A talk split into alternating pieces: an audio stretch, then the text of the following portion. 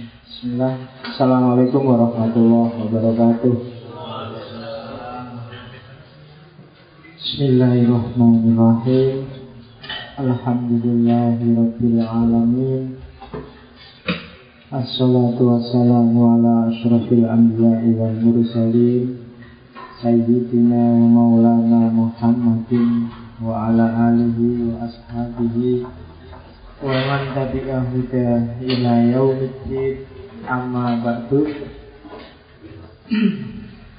Oke, bismillah. Mari kita lanjutkan ngaji filsafat kita. Pelan-pelan kita akhirnya sampai juga ke bagian paling menonjol dalam tradisi filsafat modern yang dikenal dengan nama positivisme. Saya selalu bilang pelan-pelan karena kalau ke susu mesti bingung kalian, mesti nggak. Kadang-kadang mau coba buku filsafat itu kan pengantar tidur yang paling baik. Jadi ya pelan-pelan aja, ke susu. Wong ya nggak ada ujiannya kan, jadi enak nggak kayak di kampus.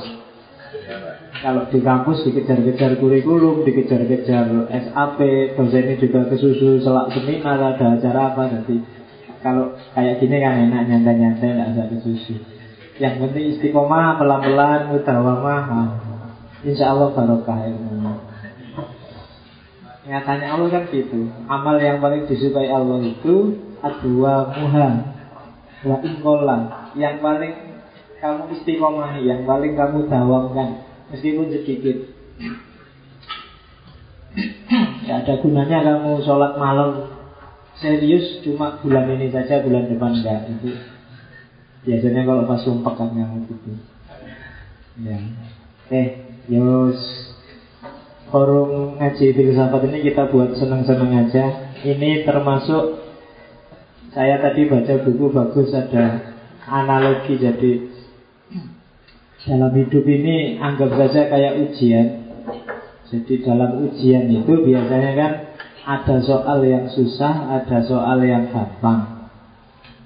Nah, ngaji ini anggap saja soal yang gampang. Wong jelas baik, jelas benar, jelas bermanfaat. Mahasiswa yang pinter itu biasanya soal yang gampang dikerjain duluan. Soal yang susah dikerjain belakangan. Di sekitarmu banyak soal yang susah. Tapi kamu jangan terlena oleh soal yang susah Karena kalau kamu sibuk oleh soal yang susah Soal yang gampang tidak akan terjawab. Waktunya habis. Apakah hari raya Sabtu atau Minggu itu bagi saya soal yang susah? Wong kiai-kiai aja ya bingung beda pendapat Apakah kan banyak ya lalu Apakah yang benar itu merah putih Apa Indonesia hebat ya? Wong jagoan profesor profesor juga di TV tiap hari debat Itu berarti soal yang susah. Kalau itu soal susah Ngapain kita ikut mikir Nanti aja belakangan. Kalau yang soal-soal gampang sudah selesai Kan gitu. Soal-soal gampang itu kira-kira Besok lagi sarapan apa ya? Kira-kira Itu kan gampang jawabnya. Ayo dikerjain dulu cepet Lu kan gampang, tinggal ngukur dompetmu tebalnya tinggal berapa senti kan gitu aja. Eh, jadi termasuk ngaji ini anggap saja ini termasuk soal-soal yang gampang. Gak usah dipikir terlalu dalam, nggak paham ya sudah kan gitu aja. Paham alhamdulillah. Jadi tidak ada tuntutan apa-apa jadi dinikmati aja. Tidak usah ditinggi-tinggikan juga tidak usah underestimate Biasa aja, kita mengalir aja Dan gak usah heran lu kok Ustadznya lebih pinter ya mesti wae. Aku kan lebih tua dari kamu. Ini bukan urusan pinter nggak pinter Cuma urusan waktu aja. Usiamu paling sekitar 20-an Kamu lahir paling 93, 95 sekitar itu. Jangan salah 93 saya sudah jadi mahasiswa. Semester 1 Jadi kamu baru lahir baru bisa nangis sama kencing Saya sudah baca buku filsafat Ya, jadi nggak aneh kalau jadi tidak luar biasa. Kok Ustadz pinter filsafat? Memang aku mau coba buku, kamu masih bisa kencing. Saya sudah baca buku filsafat. Jadi ya biasa aja, nggak ada yang istimewa. Jadi yang penting kita senang-senang bareng-bareng. Oke. Malam ini kita ketemu orang Perancis lagi. Auguste Comte. Cuma kalau lidah Jawa agak susah kalau belakangnya ada deknya itu. Jadi baca aja Agus Kom. Nah, itu lebih gampang. Jadi mungkin panggilannya Gus apa apa saya tidak tahu. Ya. Jadi, yo mungkin mulai-mulai kayak Gus Dur apa Gus siapa dan sekarang kalau di pesawat kita punya Gus Kom. Ya. Ada kiai di Pandaan yang Pandaan Pasuruan Jawa Timur yang memang panggilannya Gus Kom. Banyak orang ke sana untuk minta doa, minta itu. Nah, sekarang kita punya Gus Kom yang dari Perancis. Dia adalah bapaknya filsafat positivisme yang nanti di era kontemporer kita akan ketemu lagi dengan positivisme tapi positivisme versi baru yang namanya positivisme logis dari kelompok lingkaran Wina. Hmm. Jadi Agus Kom ini orang Perancis asli, lahir di Perancis, cuma kisah hidupnya agak berliku-liku dan tragis. Jadi saya tidak tahu ya kisahnya para filosof itu kok banyak yang aneh-aneh, tragis, kasihan, sengsara banyak. Jadi Agus Kop ini apa ya? Sebenarnya masa mudanya biasa ya mahasiswa pinter, disenangi gurunya, disenangi ustadz-ustadznya. Cuma kehidupan pribadinya agak berat. Dia hidup di era ketika Perancis sedang huru hara terjadi revolusi. Ya kalian yang suka sejarah Termasuk yang suka filsafat Termasuk yang suka sosiologi Termasuk yang suka antropologi Termasuk yang suka apalah Harus kenal sejarah revolusi Perancis. Karena revolusi Perancis itu salah satu titik balik peradaban manusia Sebelum lahirnya modernitas.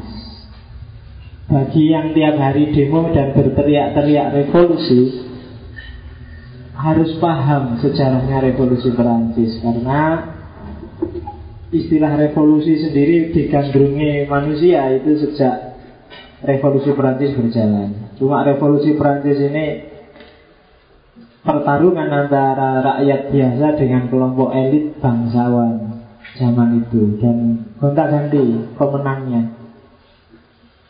Sampai kemudian negara kacau balau nggak karu-karuan Meskipun prinsip-prinsipnya menginspirasi banyak negara yang lain. Dari negara monarki yang absolut Jadi negara republik yang demokratis Perdebatan nggak selesai-selesai. Kelompok rakyat mengusulkan yang demokrasi republik Kelompok bangsawan tetap mengusulkan monarki Meskipun kayak Voltaire kemarin Voltaire kan termasuk bangsawan Dia mengusulkan Ya monarki tapi yang konstitusional. Termasuk nanti Comte ini juga Usulannya monarki konstitusional Tapi yang jadi raja-raja ya jangan para bangsawan Tapi para filosof positif dan para ilmuwan. Itu usulannya Comte.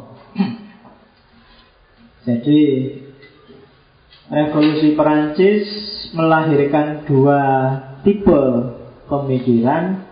Ada kelompok romantik Rousseau, Thomas Hobbes. Kemudian kemarin terakhir sampai Voltaire Itu kan kelompok yang ingin model masyarakat tradisional dengan beberapa modifikasi Ada kelompok positif yang dipelopori oleh Agus Comte dan kawan-kawan ini mereka ingin nilai-nilai baru yang dasarnya sains untuk mengembangkan negara dengan modus ekonomi industrial. Itu dua kelompok ini bersaing dalam ide. Kalau dalam praksisnya yang bersaing adalah kelompok elit bangsawan melawan kelompok rakyat. Agus Kom ini punya penyakit jiwa dalam sejarahnya. Agak paranoid.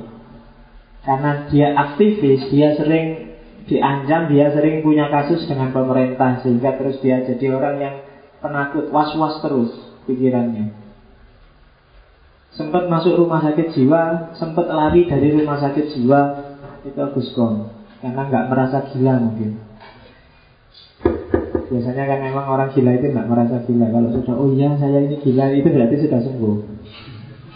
Tapi kalau masih belum merasa, masih nggak merasa gila itu biasanya ya. Hanya orang yang sudah sembuh yang bilang saya mungkin gila ya. Itu biasanya dia sudah sembuh.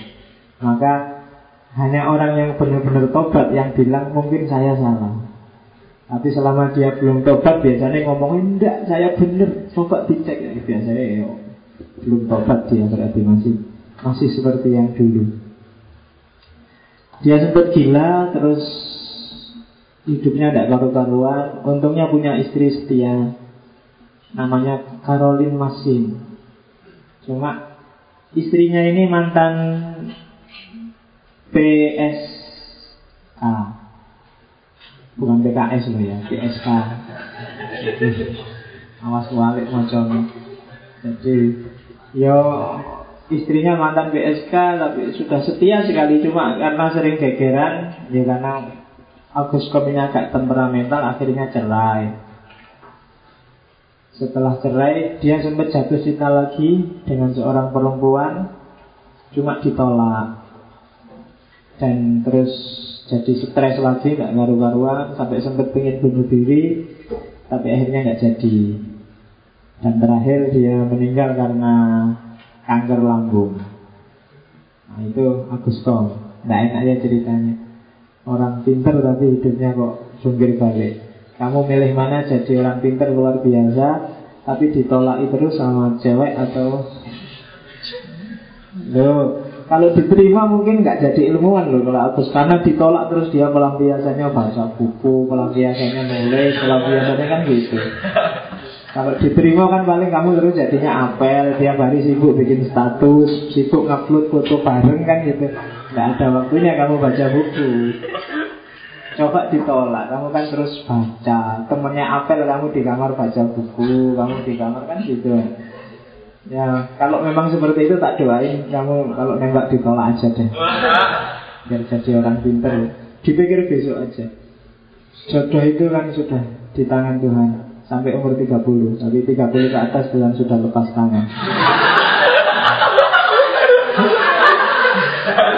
ya. Saya lupa saja di mana itu jodoh di tangan Tuhan sampai umur 30 tapi di atas 30 Tuhan lepas tangan sudah suka-suka lah kamu mau apa. Oke, jadi settingnya seperti itu. Jadi ada pertarungan antara rakyat dan bangsawan, antara elit dan kelompok yang semula jadi raja. Itu dimulai dari Louis ke-14 sampai Louis ke-16, Raja Prancis saat itu. Dan ini negara gonjang ganjing tidak karu-karuan, utangnya banyak. Sampai terjadi pemberontakan Sampai penjara Bastil itu diserbu habis-habisan, dihancurkan. Sampai Louis-Louis raja-raja yang melarikan diri kepegang terus dipancung di alat pancung namanya guillotine itu. Jadi kekacauannya seperti itu sampai nanti datang Napoleon menegakkan rezim yang agak militer cuma kemudian dia sukses menjayakan Perancis di atas semua negara Eropa saat itu dan di era ketika mulai awal-awal ada Napoleon inilah datangnya Auguste Comte dengan pikiran-pikirannya yang terkenal dengan positivisme. Salah satu aliran dalam filsafat. Kalau positivismenya Auguste Comte itu baunya adalah sosiologis. Arahnya ke ilmu-ilmu sosial. Minggu depan mungkin kita agak ngomong ke biologi kita ketemu Charles Darwin dengan evolusinya. Minggu depannya lagi kita ketemu dengan Freud, psikoanalisis. Kita ketemu dengan psikologis. Minggu depannya lagi kita baru ngomong masalah ekonomi. Kita ketemu dengan Kalma. Sampai di situ insya Allah kita paham lah fondasinya zaman yang disebut modernisme. Seperti apa sih era modern itu? Ada ada teori-teori besar yang menopangnya. Setelah itu baru ada tokoh yang eksistensialis, baru ada gugatan-gugatan dan seterusnya. Eh, apakah positivisme? Positivisme itu dari akar kata positif yang artinya adalah yang faktual. Jadi positif di sini maknanya normatif, eh maknanya deskriptif, tidak normatif. Bukan positif, wah kamu harus berpikir positif ya, bukan itu. Tapi makna deskriptif. Jadi positif itu berarti yang faktual. Bukan positif yang konotasinya nilai, yang norma, yang lawannya negatif itu. Juga bukan positif yang Tespek itu. Tespek positif nggak? Positif. Aduh kan gitu. Enggak bukan yang itu. Jadi positif di sini artinya yang faktual. Yang nyata. Kalau saya ngomong faktual berarti Yang bisa diakses oleh panca indera. Karena panca berarti ada lima. Bisa dilihat Bisa diraba Bisa didengar bisa dirasa, bisa di ya dirasa dikecap, bisa dicium. Jadi kalau tidak bisa dicium berarti tidak faktual. Kalau kamu pacaran lama kok nggak mau dicium berarti kamu belum faktual. Karena cirinya faktual itu. Loh, pacaran yang faktual berarti dia bisa diraba, bisa dilihat, Ya kan gitu. Ini definisinya di sini gitu. Jadi kalau kamu cuma pacaran jarak jauh cuma lihat-lihatan itu berarti belum faktual. kalau ingin faktual ya dicekel, ya dikecap, ya dicium, ya dirasa. Oke. Okay. Jadi harus bisa diobservasi oleh panca indera. Semua yang tidak bisa diakses oleh panca indera berarti dia tidak positif, tidak faktual dan tidak bisa dijadikan basis pengetahuan. Jadi pengetahuan itu harus tentang yang faktual. Apa tidak bisa Pak pengetahuan tidak faktual? Ya bisa saja Cuma katanya kelompok positivisme Pengetahuan yang tidak faktual itu meaningless. Nggak ada gunanya. Nggak ada gunanya itu mungkin bisa benar sih Cuma ya buat apa, mau nggak jelas. Makanya filsafat yang ngomong yang tidak faktual Tidak faktual itu kan berarti metafisika. Filsafat yang ngomong metafisika kan julukannya filsafat spekulatif spekulasi, filsafat kiro-kiro. Alam ini ada penyebab pertama. Itu kan kira-kira dia akal-akal pakai pikiran. Tidak tegas. Sehingga positivisme punya kecenderungan anti metafisika. Kalau di Indonesia lebih dasar, orang Indonesia itu bisa menggabungkan antara metafisika dan positivisme sekaligus. Itu yang bikin acara Mister Kukur jalan-jalan dunia lain itu kan menggabungkan antara positivisme dengan metafisik. Harusnya nggak nyambung itu, tapi disambung-sambung. Dan kalian senang dibohongi seperti itu. Buktinya iklannya banyak, tiap malam masih tayang. Oke. Okay. Karena itu, kelompok positivis mengkritik pikirannya Immanuel Kant tentang fenomenalisme. Immanuel Kant kan bilang, tidak ada sesuatu di luar fenomena. Teh ini sekedar teh barangnya sendiri orang nggak bisa ngakses. Begitu tak lihat, tak pahami, itu teh menurut aku. Kalau katanya kelompok positivis ya enggak gitu. Ya teh yang kamu lihat ya itu teh yang sebenarnya. Orang lain juga melihat kayak kamu lihat kok. Kalau nggak percaya coba tanya aja. Ini warnanya apa? Semua akan bilang coklat. Ini warnanya apa? Semua akan bilang bening. Kalau ada yang bilang ini hijau pak buta warna, ya kan? Tembok warnanya apa? Mungkin kamu bilang hijau pak. Nggak tahu kalau Madura masih bolak balik nggak hijau sama biru. sudah sembuh ya karena banyak saya punya teman Madura mesti kewalak balik hijau dan biru iya. Kalau dimarahi mesti bantah enggak kok memang gitu. Biru itu hijau yang sangat matang kalau hijau itu biru yang masih mentah jadi doang oke jadi kelompok positivis anti fenomenalisme enggak Yo sesuatu yang nggak bisa dijangkau ya nggak bisa jadi pengetahuan dong, nggak bisa dibahas ngapain diomong. Fenomena ya apa yang kita lihat itu fenomena sudah. Itulah fakta. Apa yang kita dengar, apa yang kita cium, apa yang kita rasai, itulah fakta. Bahwa itu versiku, versimu, enggak. Ada yang sama kok. Enggak mesti versiku sama versimu mesti beda. Kalau urusan fakta biasanya orang melihatnya sama kok. Yang nggak sama itu kan terus ditafsirkan, dicari-cari yang nggak penting terus jadi nggak sama. Setiap orang mesti bilang ini teh warnanya coklat, kalau diminum manis. Kalau dilihat aja warnanya coklat, kalau dipegang agak hangat, kalau dikecap diminum manis. Biasanya sama aja, kalau kamu nyoba minum ini mesti manis. Iya kan? Berarti faktual ini, nggak ngarang. Bukan dasdin angsi Kalau dari angsi Ini manis menurut saya. Kalau menurut kamu gimana? Insya Allah juga kamu akan bilang manis. Oh memang rasanya manis. Urusan kurang manis atau kemanisan itu urusan lain. Tapi kan kamu akan bilang manis. Faktanya memang ada gulanya. Itu yang dimaksud oleh positivisme dengan fakta. Laptop ini fakta. Mikrofon ini fakta. Meja ini fakta, jaket ini fakta semua yang bisa kamu lihat, bisa kamu sentuh fakta.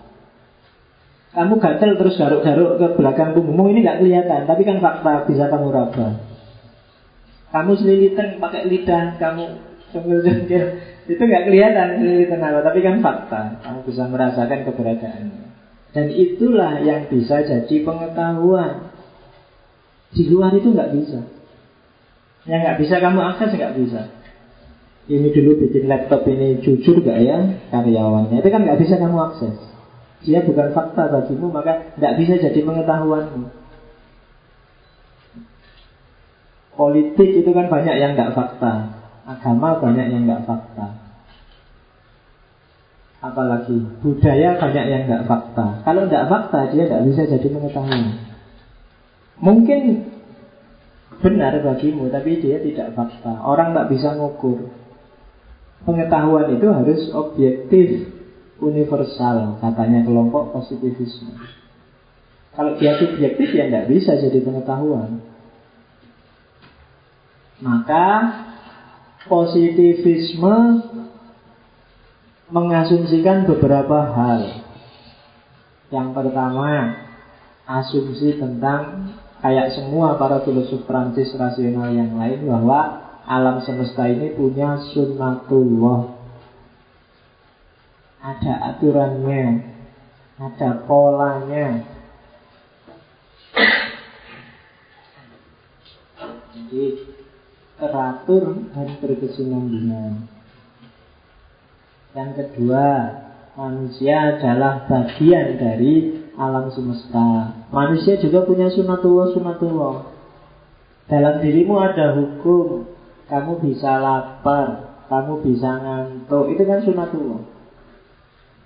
Nggak usah dibantah, wong itu ada. Tapi saya bisa melawan ngantuk, iya. Tapi kan fitrahnya kamu itu bisa ngantuk. Saya bisa pak nggak makan tiga hari tiga malam, cuma minum aja sereal. Iya, tapi fitrahnya kamu butuh makan. Loh, tapi kalau Allah mengizinkan, enggak, itu urusan lain. Faktanya kamu butuh makan. Karena, kenapa? Karena kita bagian dari alam semesta. Jadi asumsinya positivisme yang kedua itu. Jadi alam ini ada sunatullahnya, ada keteraturannya, dan manusia itu juga bagian dari alam, maka dalam dirinya ada sunatullah sunatullah. Bahkan tidak cuma manusia secara fisik, perilakunya manusia itu ada polanya juga ada patternnya. Yang kamu anggap subjektif ini psikologis loh Pak, versi saya Pak. Kalau hari ini itu sudah dibongkar oleh teori-teori DNA, teori-teori struktur sel, teori-teori kromosom, teori-teori zat-zat kimia yang ada dalam tubuhmu. Kenapa kamu marah? Kenapa kamu gampang tersenyum? Kenapa kamu jadi orang yang ceria? Kenapa? Kalau sains, ilmu kimia, ilmu itu bisa menemukan jawabannya secara fisikal. Ya kan? Ya yang tiap hari kamu lihat misalnya kalau ada perempuan tiap hari marah-marah terus kamu tanya, kamu sedang dapat ya? ya? Itu kan hormonal kan? Berarti ada zat kimia yang berpengaruh dalam dirimu. Mungkin saya pernah cerita dulu skripsiku itu tentang filsafat cinta. Antara lain tak ambil perspektif kimia. Ternyata secara kimiawi kamu jatuh cinta pada seseorang itu sebenarnya bukan karena hasrat, karena keinginan, tapi ada zat kimia yang diproduksi dalam dirimu yang bikin kamu suka pada lawan jenismu. Saya lupa namanya, tapi bukunya mungkin masih ada, saya nggak pegang. Jadi yang jadi ada zat kimia tertentu yang zat ini diproduksi secara terbatas. Zat kimia yang bikin orang jatuh cinta pada lawan jenis itu Sayangnya saya lupa namanya. Kalau ini dipakai terus menerus Zat kimia ini Pada akhirnya akan habis. Kalau sudah habis Itu yang kamu bilang Ah mana dulu janji-janjimu? Mana dulu rasa cintamu? Habis sekarang. Makanya kamu makainya jangan boros. Iya kamu tiap hari, tiap setengah jam SMS, tiap setengah jam, kamu boros lama-lama habis. Kalau di yang saya baca itu, seandainya dipakai terus menerus, paling lama dia akan habis dalam jangka waktu dua tahun, paling cepat. Tapi kalau agak ngirit bisa sampai empat tahun. Jadi kamu kalau pacaran jangan lama-lama. Kalau lama-lama pasti nanti nipis, jadi habis. Kalau sudah habis mesti ada yang lain yang lebih cakep daripada dia. Nah kalau ganti orang mungkin bisa diproduksi lagi Tapi kalau masih itu Enggak, zat kimianya habis untuk dia. Oh itu kan khas. Loh itu bisa dianalisis secara kimiawi Loh. Itu bukan karena gerengmu atau karena hatimu yang lembut. Enggak, ada hubungannya dengan itu. Itu ada komposisinya. Jadi yang sudah pacaran 4 tahun siap-siap saja. Begitu ada godaan mesti langsung gampang berpaling itu karena zat kimianya sudah habis. Loh kok suami istri bisa lama? Kalau suami istri itu biasanya relasinya tidak lagi cinta romantik menggebu-gebu seperti anak muda. Mungkin sudah relasinya sudah beda, mungkin bisa jadi kasih sayang, bisa karena anak, bisa karena keterikatan-keterikatan. Sudah terlanjur punya anak, sudah terlanjur terikat, sudah nama baik sosial, nama baik keluarga, karena itu pertimbangannya banyak kan cuma itu. Jadi mungkin masih nyambung karena mempertahankan macam-macam ini. Padahal kalau ditawari lagi mesti juga mau. Kalau ganti yang lain karena begitu ganti yang lain yang menggebu-gebu keluar lagi yang tadi sudah tidak diproduksi. Nah itu manusia secara kimiawi ternyata bisa. Ibu yang sayang pada anaknya, orang yang gampang marah-marah. Itu bisa dianalisis secara kimia karena memang manusia katanya kelompok positivistik itu ditentukan dia punya sunatullahnya sendiri. Ada sistem yang diberikan Allah memang pada manusia. Sekarang malah tidak cuma kimia kan tidak cuma hormon tidak cuma itu sudah sampai saraf. Lebih lembut lagi sudah sampai saraf. Mungkin sebentar lagi bisa masuk lagi ke batin bisa masuk lagi ke rohani sains Orang kan sekarang sudah bisa rekayasa genetika. Jadi tinggal struktur DNA-mu dipelajari terus kalau ada yang kacau bisa diperbaiki terus bisa dibikin fotokopimu. Membangun manusia baru yang versi kamu tapi edisi revisi. Kalau kamu oh yang ini agak pesek. Gimana ya caranya besok struktur yang baru tidak terlalu pesek? Yang ini ngamuan ah ini tinggal diatur biar nggak ngamuan gennya dia nah, itu bisa Cuma mungkin etika ilmu pengetahuan belum mengizinkan itu. Tapi mungkin pada saatnya mungkin ada fotokopi-fotokopi semacam itu. Ah mana-mana ini Jokowi ini berkualitas ini di cloning yuk, ah, bisa gitu nanti. Atau penjahat-penjahat itu formulanya dicuri terus di untuk cloning para penjahat besar yang luar biasa. Terus yang yang baik-baik bikin cloningnya Superman, Batman, Spiderman itu kan. Kalau bisa kayak gitu kan itu namanya struktur DNA. Sampai segitu pengetahuan manusia untuk menjelajahi sunatullah yang namanya manusia. Dan bisa nyampe nemu kayak gitu karena cara berpikir yang positivistik ini. Coba ini tidak ketemu, orang masih pasrah kayak abad tengah yang agama, ya mungkin ya kalau ada apa-apa sudahlah, itu karena kuasa Allah. Takdirnya Allah memang gitu, selalu gitu kan jawabannya. Makanya ada buku dari Pakistan itu yang Islamisasi ilmu tapi model model dia. Jadi biologi diislamkan. Kalau biologi biasa, contohnya gini, biologi diislamkan. Kalau biologi biasa, semua makhluk hidup pasti mati. Kalau biologi Islam, semua makhluk hidup pasti mati insya Allah. Nah, kalau Allah nggak menghendaki ya enggak. Kan gitu. Daya tahannya buaya itu bisa berbulan-bulan mangat. Itu sekuler. Kalau Islam dia bisa berbulan-bulan mangat kalau Allah menghendaki. Karena kalau Allah nggak menghendaki dia baru mangat sebentar sudah ketemu manusia dipegang dibunuh nggak jadi mangat sebulan. Nah itu biologi Islam. Oke, jadi semua perilaku manusia ditentukan oleh alam. Yang keempat, pengetahuan itu dari fakta, dari pengalaman, tadi sudah dijelaskan. Dan kalau itu fakta, yang bisa diketahui manusia hanya fakta yang objektif. Fakta subjektif nggak bisa diketahui. Tapi kan saya bisa cerita, Pak. Begitu kamu cerita, ceritamu jadi fakta yang objektif. Sehingga orang bisa tahu. Kalau mesti kamu simpan di batin, ya orang nggak bisa tahu. Orang bisa tahu dari manifestasinya.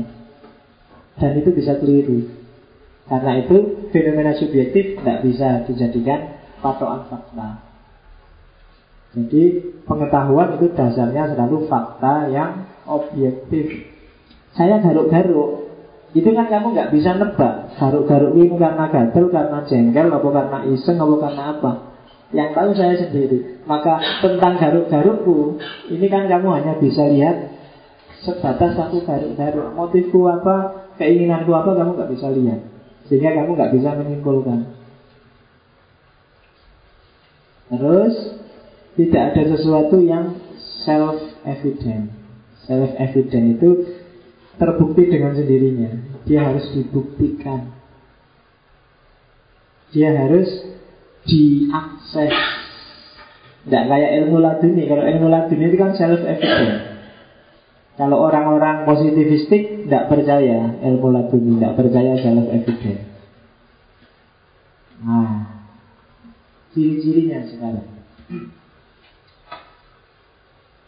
Ciri-ciri positivisme Yang pertama Bebas nilai Atau objektif Objektif itu berarti Kamu Sebagai ilmuwannya Sebagai pengamatnya Harus memposisikan diri sebagai subjek Yang mengetahui Dan yang ingin kamu pahami Posisikan sebagai objek yang ingin kamu ketahui. Itu berarti cara berpikir yang objektif. Kamu mengambil jarak dari objek yang ingin kamu pahami. Jadi katanya positivisme Dari situlah nanti lahir pengetahuan apa tidak bisa Pak subjektif murni? Tidak bisa Kalau subjektif murni nggak akan ada pengetahuan yang universal Pengetahuannya pasti pengetahuan yang subjektif apa-apa yang terlalu dekat apalagi campur itu tidak akan kelihatan jelas. Kamu ngerti tembok itu warnanya hijau kan karena ada jarak antara kamu dengan tembok. Kamu sebagai subjek, temboknya jadi objek. Coba kamu wajahmu tempelkan ke tembok, tidak akan jelas. Itu warnanya hijau atau putih tidak jelas. Ada baik, ada buruk, ada benar, ada salah, ada cakep, ada jelek. Itu juga kalau ingin tahu kamu harus mengambil jarak. Cakepnya kayak apa Kalau kamu nempel nggak kelihatan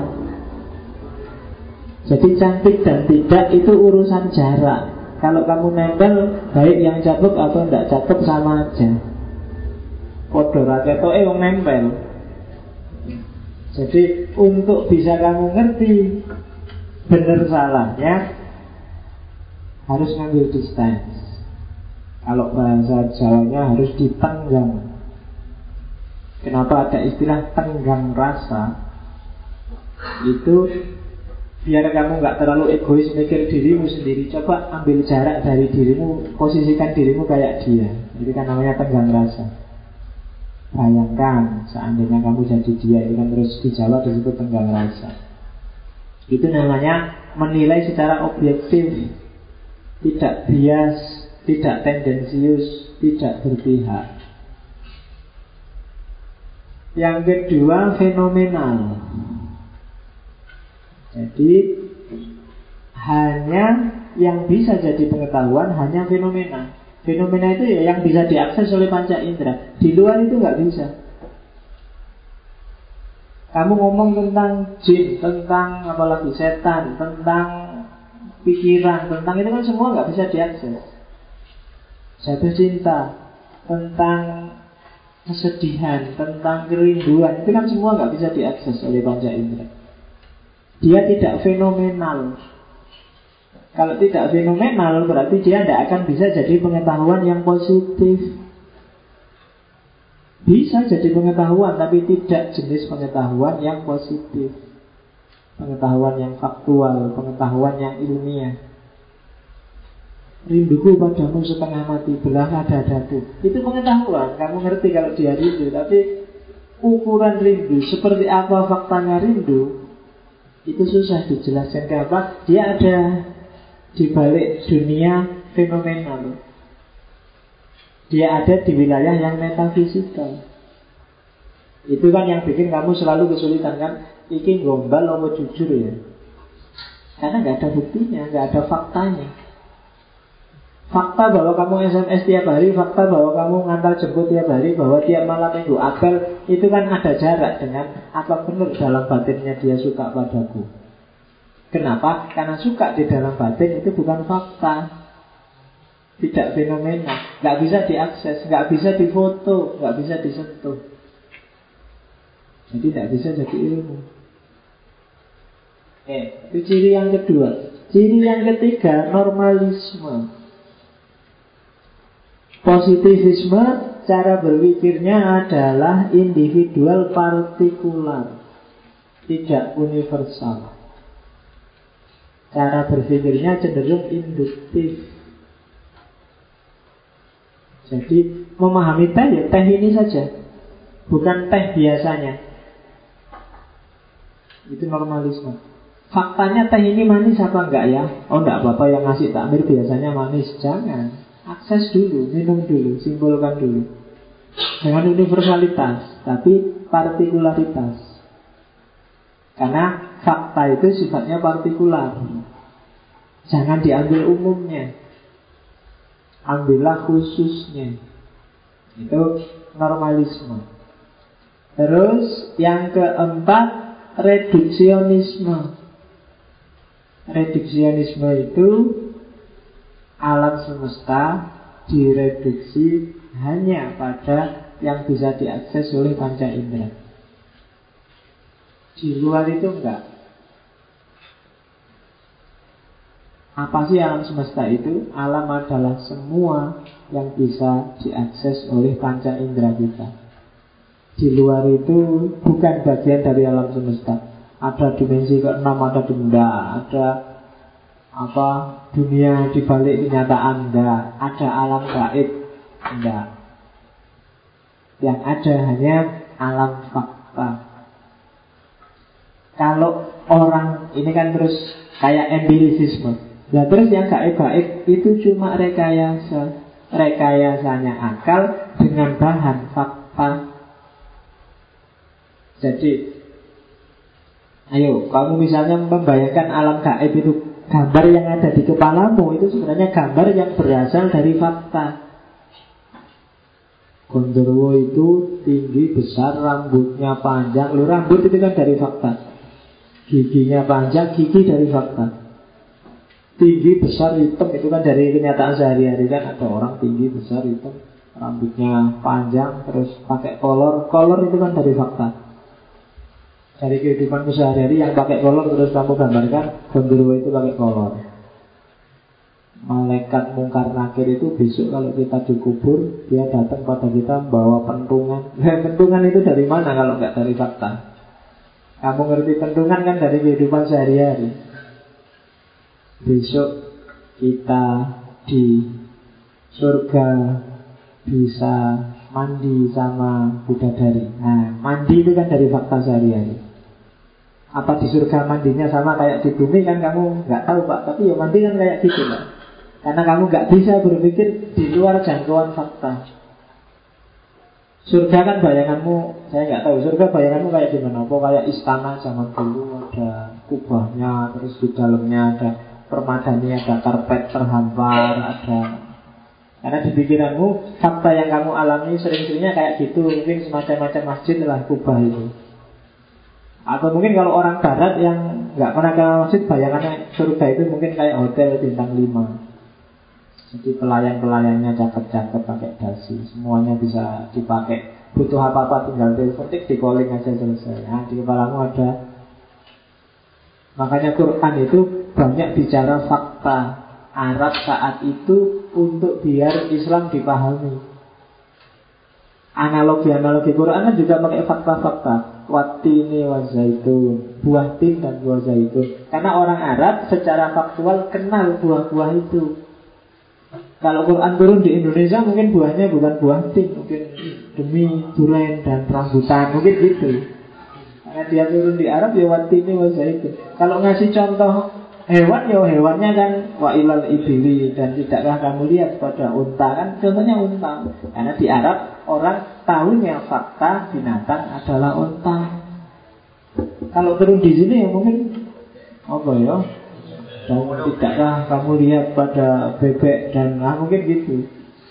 Di Arab ada bebek kalau di sini ada bebek orang Indonesia kenal orang Arab nggak kenal itu fakta jadi reduksionisme ya memang alam manusia terbatas oleh jangkauan panca inderanya. Saya sering cerita gambaran surga dan neraka di Arab itu ya neraka surga abad ke-6 versi Arab. Zaman itu air susah, maka dipamerilah surga Jannatin tajri mintah tihal anhar Tenang aja, besok di surga Depan rumahmu ada sungai Wah, enak nih masuk surga kan gitu kalau orang Indonesia kan nggak bisa dipameri gitu. Tenang aja, besok ada sungai. Waduh, gawat ini. Iya, hari sudah kebanjiran. Sekarang besok di sana dekat sungai lagi. Alamat itu siap-siap kan itu. Gak menarik bagimu karena fakta sungai bagi kamu beda sama fakta sungai di Arab. Mereka senang luar biasa ketika dipameri sungai. Dan alat siksaan neraka itu kan alat siksaan kayak penjara abad ke-6. Kamu di sana akan dipalu, dikergaji. Boleh ngeri aja. Karena zaman itu adanya itu orang nyiksa itu. Kamu digantung, kamu ditusuk mulai bawah sampai atas, kamu disate, dipanggang. Fakta penyiksaan zaman itu saat itu kayak gitu. Kalau mungkin turun sekarang itu mungkin beda. Kamu akan ditaruh di kolusi listrik, mungkin gitu ya. Gambarannya neraka itu. Tapi digambarkan sesuai fakta. Jadi di kepalamu akhirnya neraka itu ya kayak ada di sini kan. Besok di neraka itu ada palunya, ada gergajinya, ada lindisnya, ada kayak peralatan tukang pokoknya lengkap semua di neraka. Sementara kalau di surga itu ya tiap kamar ada AC-nya, ada kulkasnya, terus spring bednya yang terbaru, terus ada bidadarinya yang siap pakai ontai kan gitu. Bayangannya kan gitu terusan kan. Nah itu semua kan sebenarnya fakta barang-barang yang bisa kamu temui setiap hari. Kenapa kok bisa begitu? Karena kita tidak bisa berpikir di luar fakta. Yang metafisik pun kita gambarkan sesuai fakta. Dan setelah reduksionisme ada naturalisme. Kalau naturalisme ya fakta itu basisnya ada pada nature, ada pada alam. Penjelasannya harus penjelasan alamnya. Dan alam itu bekerja Ada sunatullahnya. Maka ciri yang terakhir mekanistik Mekanisme. Ada patternnya sendiri-sendiri. Ada polanya. Ayat alam ini kayak mesin yang besar Jadi objektif, fenomenal, normal, reduksionis, naturalis, dan mekanis. Oke.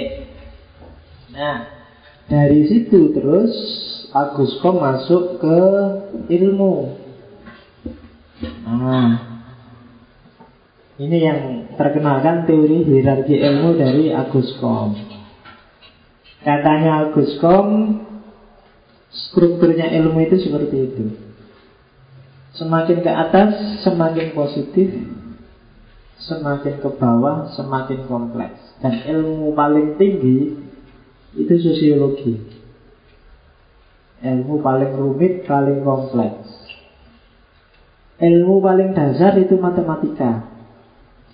Satu tambah satu, dua, dua tambah dua. Itu paling dasar. Itu aksiomatik sifatnya. Orang yang nggak ngerti matematika sama sekali tidak akan bisa hidup. Wes tak jamin. Ya, itu dasar. Makanya filosof Yunani klasik Pitagoras itu kan dikenal sebagai bapaknya matematika meskipun dia sebenarnya bapaknya Torekot. Iya, bapak mistisisme sedunia itu kan Pitagoras. Dia muridnya Hermes. Hermes itu kalau dalam tradisi Islam Nabi Idris.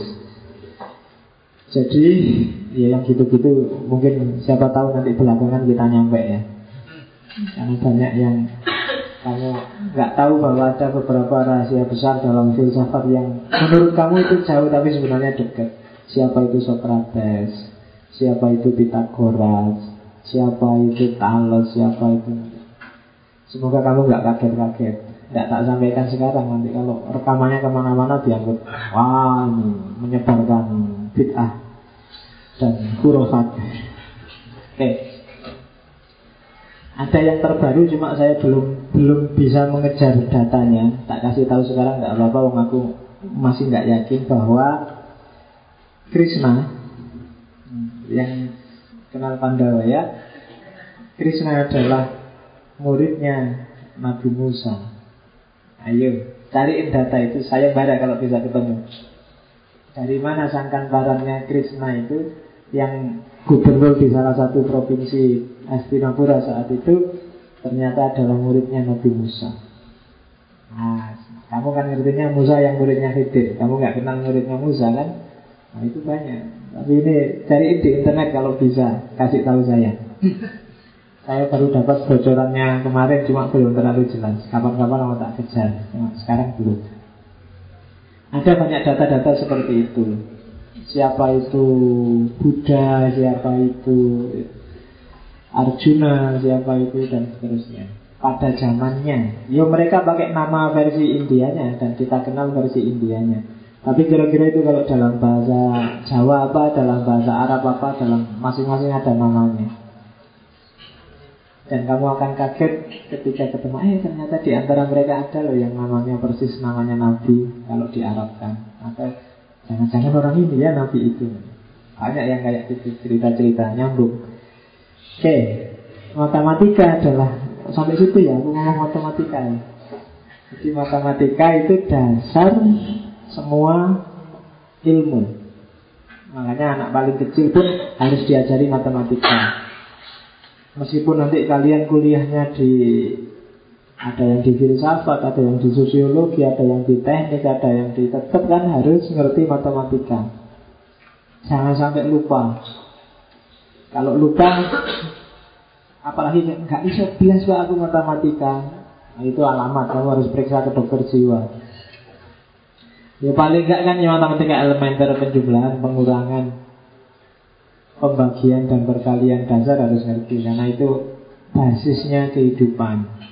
Sebenarnya dari situ kamu kamu bisa jadikan kunci untuk masuk ke dunia mistik. Dan itu yang dilakukan oleh Pitagoras. Ah, yang suka mistisisme boleh baca-baca Pitagoras. Kalau ada yang mau bisa tak pinjami buku cuma bahasa Inggris. Syukur-syukur ada yang pintar bahasa Inggris diterjemah. Nih, di atas matematika ada astronomi. Astronomi ini semacam applied-nya ilmu perbintangan. Di atas astronomi ada fisika. Di atas fisika ada kimia. Di atas kimia ada biologi dan di atas biologi ada sosiologi. Itu hierarkinya ilmu-ilmu. Semakin ke bawah itu semakin kompleks, variabelnya semakin banyak. Semakin ke atas, semakin simple dan semakin positif. Jadi semakin tegas ilmunya. Satu tambah satu, dua, dua tambah dua, empat itu kan semakin tegas. Semakin tinggi astronomi itu kan juga, juga pakai matematika, perhitungan-perhitungan. Hari ini kalau di dunia Islam yang masih pakai astronomi kan untuk menghitung hilal itu kan. Dan itu itu karena kenapa sih kok kita sekarang gegeran terus tentang awal Idul Fitri, awal Idul Adha ya? Karena mungkin sebagian besar kita lemah di bidang astronomi. Hanya satu dua orang karena cuma satu dua orang, kalau satu dua orang ini sudah ketabrak kepentingan, yang lain nggak bisa nimbangi sudah. Itu kan kelemahannya Islam zaman dulu kan gitu. Islam itu jaya luar biasa di abad tengah, tapi kenapa matinya cepat? Karena ilmu pengetahuannya hanya milik sekelompok elit tertentu. Sehingga ketika negara jatuh, elit-elit ini terbunuh semua, ilmu pengetahuannya mati. Ibnu Rus wafat, Ibnu Sina wafat, Farabi wafat, Mula Satra wafat, Surarawati wafat selesai. Transmisi keilmuannya lemah. Kan kalau didengar cerita-cerita itu kan orang Islam itu nggak boleh loh belajar ilmu sebelum dapat ijazah, tidak nunggu ijazah. Kadang-kadang nyari hati satu aja bisa perjalanan bertahun-tahun. Itu yang bikin sirkulasi keilmuannya tidak bisa masif, tidak bisa untuk banyak orang. Sehingga yang pintar sangat sedikit. Ketika yang sangat sedikit ini habis, ya selesai. Kalau zaman dulu kan orang pintar itu dikumpulkan di keraton, di kerajaan, ada lembaganya khusus. Nah ketika negara jatuh diserang, biasanya kan ya dihabisin semua yang ada di istana. Dan ya kebanyakan ya tewas di situ. Belum lagi terus perpustakaannya dibakar habis-habisan. Selesai sudah sejarahnya. Islam tinggal catatan sampai hari ini didominasi barat. Barat pinter Seperti minggu lalu tak jelasin Mereka memanfaatkan mesin cetak Untuk bikin pencerahan besar-besaran Gitu loh Mereka mengalami tajali intelektual yang luar biasa. Setelah taholi dari ajaran Kristen kuno yang mendominasi, terus tahali dari ajaran Islam yang saintifik, mereka ajaran mengalami renaissance, mengalami tajalli ilmu pengetahuan sampai hari ini. Nah kita ini kan yang sumpah sampai hari ini. Ingin sih bangkit tapi caranya tidak ngerti kita. Kita masih gagal Masih bingung Kayak gimana caranya? Oke terus Fisika, kimia, astronomi, biologi, sosiologi. Nah nanti August Kong fokus membahas sosiologi. Dia termasuk yang disebut bapaknya sosiologi. Pada mulanya Agus Kom ini menyebut sosiologi istilahnya dari Agus. Cuma dulu sebelum menyebut sosiologi dia menyebutnya sosial fisik, fisika sosial. Kan istilahnya agak rancu kalau hari ini. Kalau di Indonesia ya jurusan fisika ya fisika sosial ya sosial. Tapi sebenarnya cara berpikir zaman itu berpikir tentang dunia sosial itu kayak berpikir tentang fisika. Ada hukum-hukum pastinya. Makanya sosiologi itu kan kayak ilmu pasti. Ada masyarakat kota, ada masyarakat desa. Masyarakat kota cirinya individualis, perhitungan. Susah diajak gotong royong. Masyarakat desa cirinya gotong royong, kerjasama, tidak gampang perhitungan. Ada gemensaf, ada geselsaf. Itu kan kayak memastikan, padahal ini tentang manusia. Tapi memang zaman itu sosiologi sifatnya ya kayak gitu, kayak fisika. Pasti. Kamu orang desa apa orang kota? Oh, orang desa. Cirinya apa desa? Satu, dua, tiga, empat. Cirinya kota satu, dua, tiga, empat. Kan selalu gitu. Kalau desa itu cenderung agak negatif belum maju, kalau kota itu berarti sudah maju. Nah itu kan kayak fisika, kayak satu tambah satu dua. Padahal apa iya begitu? Hmm. Cirinya desa apa kira-kira yang kamu ingat? Apa ya desa itu? Pertanian misalnya. Kalau kota perdagangan. Orang desa itu lugu, kalau orang kota licik. Enggak ada yang ngapit. Kalau orang desa, ya kan ngono, orang desa lugu, kalau orang kota licik. Kalau orang desa itu kan selalu gitu, pasti selalu kontras antara desa sama kota. Padahal mungkin hari ini bisa mirip-mirip aja. Kadang-kadang yang desa yang dari desa itu lebih kota daripada yang asli kota.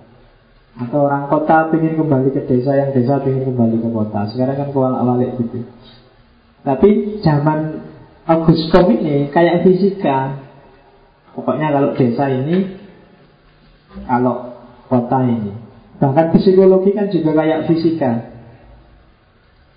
Manusia itu umur tiga tahun dia kecenderungannya pada ayah ibunya. Nanti SD sekitar 8 sampai 15 tahun dia sudah mulai suka pada temennya tapi yang sesama jenis 15 tahun ke atas sudah mulai suka pada temennya tapi lawan jenis kan gitu itu seolah-olah itu psikologi perkembangan kan gitu. Apa iya sih manusia gitu ya? Kan sekarang sudah enggak. Anak kecil umur 8 tahun aja sudah ngerti pacaran. Ya kan sudah ah pacaran nih gitu. Dia sudah ngerti itu karena sering lihat TV saya nggak tahu, kan sekarang ada acara-acara yang dilarang oleh KPI itu. anak kecil yang bisa ngomong pacaran itu kira-kira gara-gara Tom and Jerry, SpongeBob apa gara-gara sinetron ya. Aku nggak ngerti. Tom and Jerry dilarang loh sekarang. SpongeBob dilarang juga. Kemarin ada yang tanya ke saya, solusinya gimana Pak Pak? Kasihan kan anak-anak nggak ada filmnya yo. Berarti ya KPI harus bikin film Tom and Jerry versi Indonesia. Ya mungkin nanti Judulnya nggak kayak sekarang Tom and Jerry pukul-pukulan, tapi Tom and Jerry-nya rukun, ngaji ikro bersama. oh ya gitulah, lo nggak bisa kan cuma dilarang dikasih alternatif, kan gitu. SpongeBob belajar ngaji, ya itu episode pertama. Episode kedua SpongeBob gotong royong, kan gitu. Harus ada alternatifnya, dilarang semua kasihan anak-anak nanti nontonnya sinetron. Atau jangan-jangan survei sendiri di internet. Nanti dapatnya film unyil Oke Terus Ya Kenapa disebut fisika sosial? Karena caranya pakai reasoning and observation Pakai akal dan observasi Di luar itu nggak diakui Jadi keywordnya positivisme itu Masuk akal dan faktual Itu aja Di luar itu nggak diakui oleh orang-orang positif kalau nggak masuk akal nggak ada faktanya ya enggak. Bahkan ada masuk akal dok tapi nggak ada faktanya juga nggak diakui. Itu namanya spekulasi. Tujuannya sosiologi yang memahami masyarakat baik aspek dinamisnya maupun aspek statisnya. Dan setelah belajar sosiologi, setelah kenal dinamika dan statika sosial selanjutnya harus berusaha melakukan rekayasa sosial. Gimana baiknya terusan? Itu idealnya kalau bukunya Augusto. Nah, sampailah kita pada teorinya Augusto yang sangat kenal. Mungkin teman-teman pernah dengar teori ini bahwa masyarakat itu berkembang dari fase teologis kemudian naik kelas ke fase metafisik, kemudian naik kelas ke fase positif. Nah, ini ini perkembangan sejarah sosialnya manusia.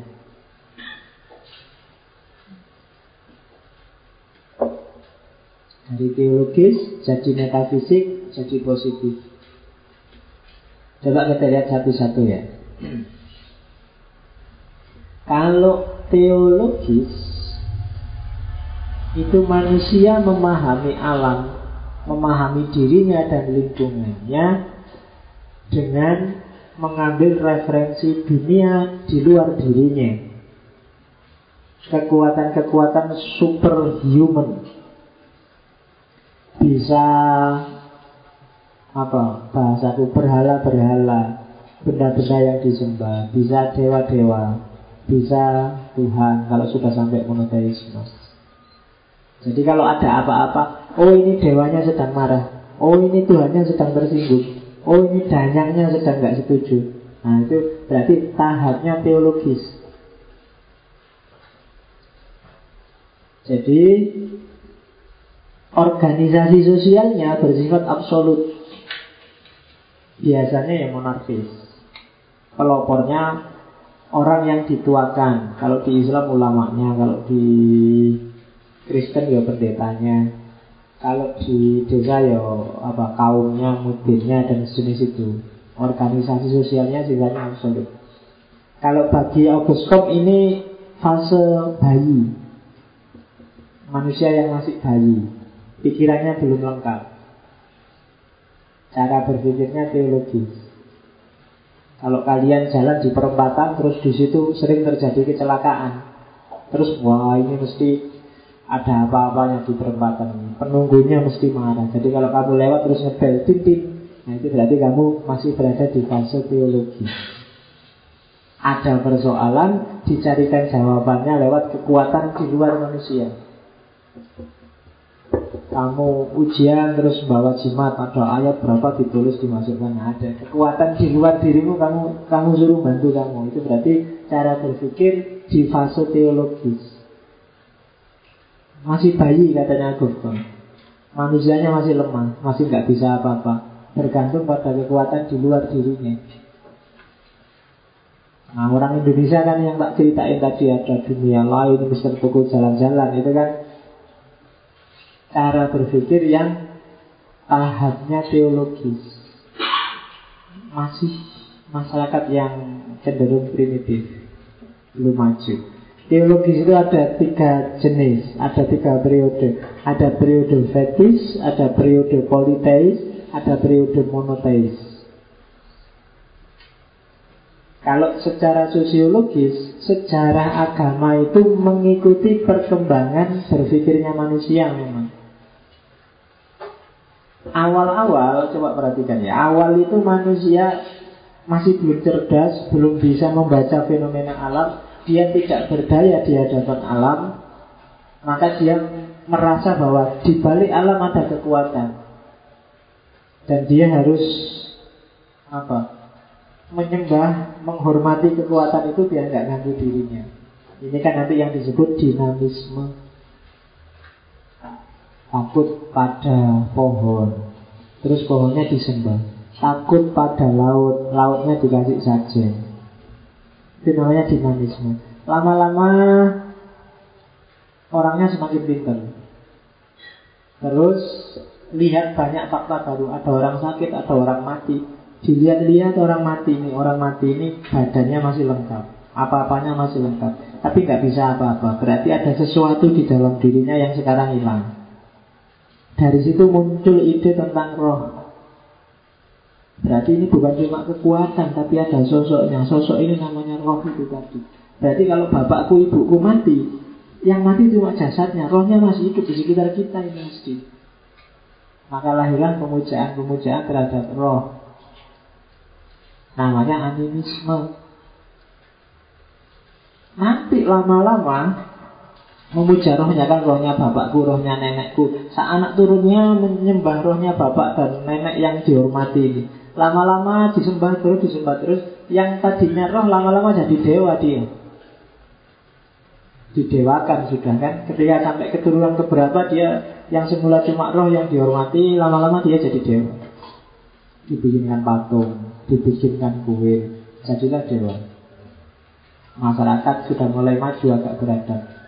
Kemudian pikirannya manusia berkembang lagi Sudah mulai ini ada sistem tata negara Mulai ada kerajaan Mulai ada struktur Mulai ada Terus orang Iya ya ini ada raja, ada menteri Yang menguasai kita pasti juga dewa-dewa Juga punya struktur kayak kita ini Punya pemerintahan Maka muncullah ide Berarti ada rajanya dewa Kalau di Mesir ada rajanya dewa, dewa matahari. Kalau di Yunani rajanya dewa namanya Zeus. Ini sebenarnya nyambung sama manusia yang sudah mulai bikin negara, bikin kerajaan, bikin kelompok. Dewanya pun dianggap punya hierarki, dewa tertinggi. Arab sebelum Islam kan kenal Allah, tapi Allah ini dewa tertinggi. Di bawah Allah ada dewa kecil-kecil yang ada di sekitar Ka'bah. Baru setelah itu muncul pikiran manusia berkembang lagi Loh, kalau gitu ngapain kita nyembah dewa kecil-kecil Intinya kan yang tertinggi ini Yang kecil-kecil kan cuma membantunya Berarti ya kita nyembah aja yang paling tinggi ini Nah dari situ lahirlah monoteis Termasuk Islam. Dan dewa kecil-kecil jadi malaikat-malaikat. Nah itu secara sosiologis loh ya nanti Kamu anggap ini beneran. Tapi itu namanya teori prehistoris evolusionistis Evolusi pemikiran manusia tentang agama. Kamu ketemu kayak gini nanti di sosiologi agama Dan semuanya kalau bagi Agus Kom itu semuanya baik Yang tadi nyembah daya sampai yang nyembah Tuhan yang monoteis Itu termasuk masih fase teologis Fase paling dasar Manusia masih takut dan tergantung pada kekuatan di luar dirinya. Dia masih belum mandiri. Setelah fase teologis, ada fase tahap namanya metafisik.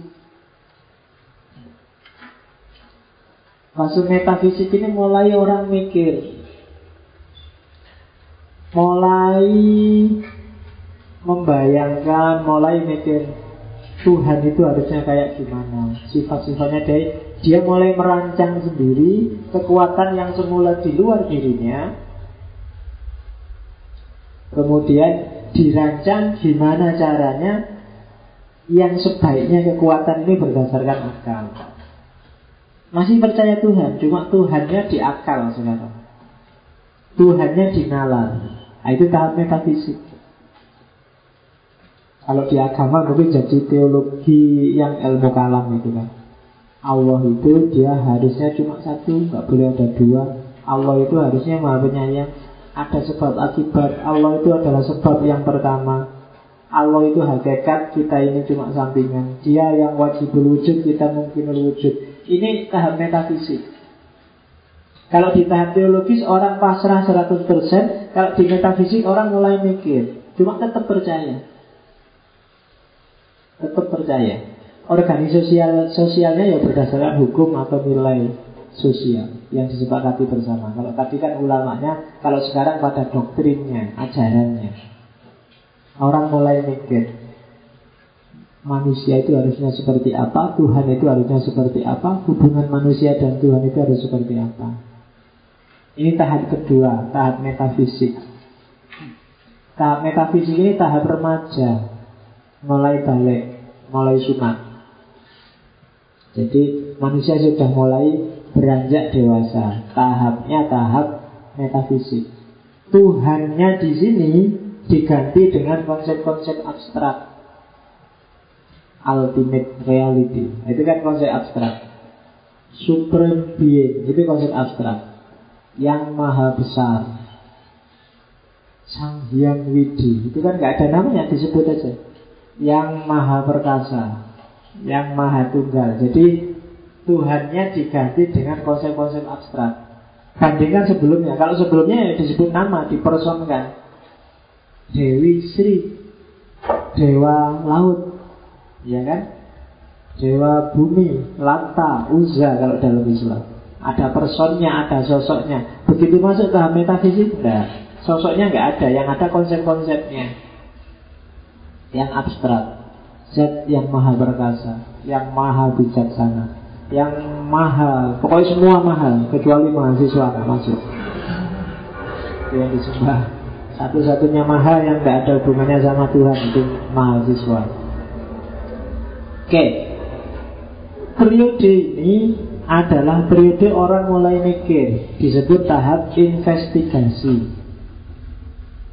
Orang mulai bertanya, mulai gimana ya? Masa Allah kayak gitu, harusnya kan kayak gini. Allah itu penyayang enggak? Allah itu kira-kira kita besok disiksa apa enggak ya? Kalau Allah disiksa apa sih? Gunanya Allah nyiksa kita, wong dunia sudah selesai aja. Katanya dia penyayang. Nah itu mulai mikir. Besok kita bisa melihat Allah enggak ya? Ada yang bilang bisa lah. Kalau Allah mau kita bisa. Loh, melihat itu kan pakai mata. Mata itu kan hanya bisa lihat yang fisik. Allah kan nggak fisik. Masa Allah bisa dilihat? Berarti Allah fisik dong. Nah itu kan banyak gitu-gitu. Itu tahap metafisik.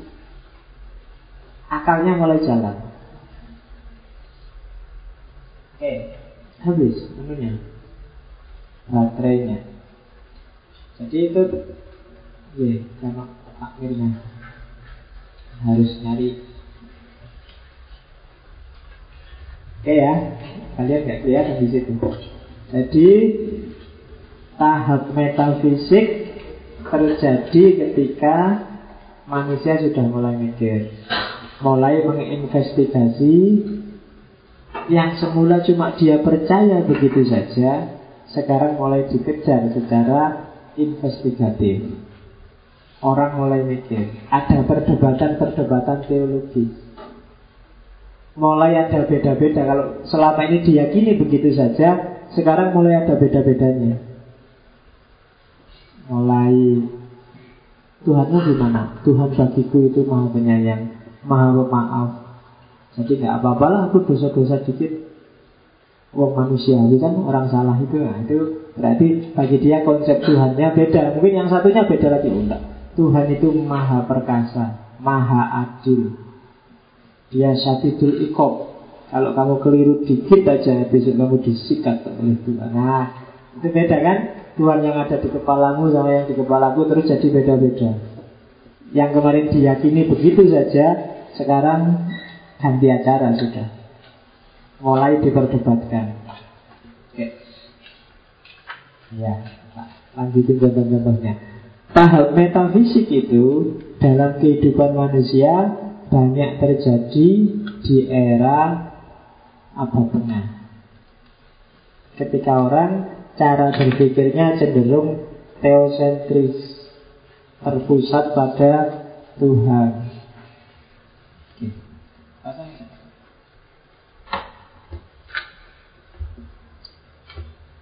Oke ya, terus yang ketiga adalah puncaknya.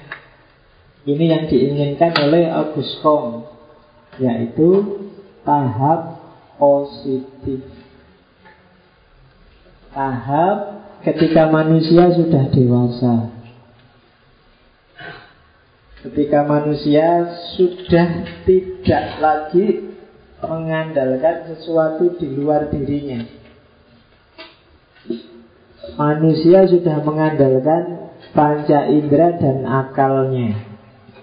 Itu tahapnya sudah tahap positif berarti. Inilah yang diinginkan oleh Agus Kom. Manusia harus naik kelas.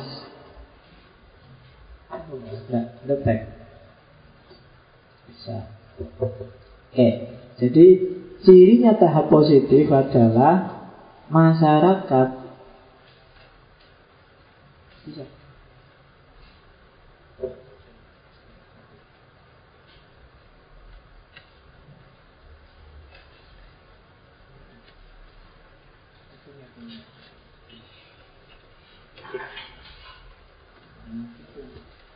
Ditancep kalau nggak ditancepin tidak memuaskan. Oke. Okay.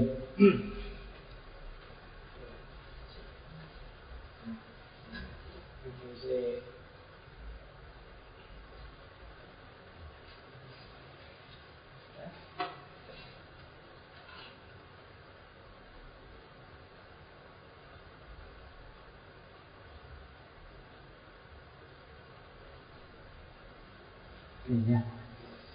Habisnya 2013 kamu harus kursus dikit-dikit Sampai di mau. Oke, jadi sampai tahap positif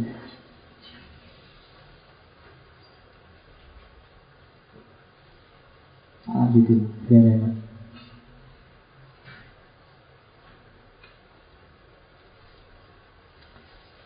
Tahap teologis, tahap metafisik, tahap positif.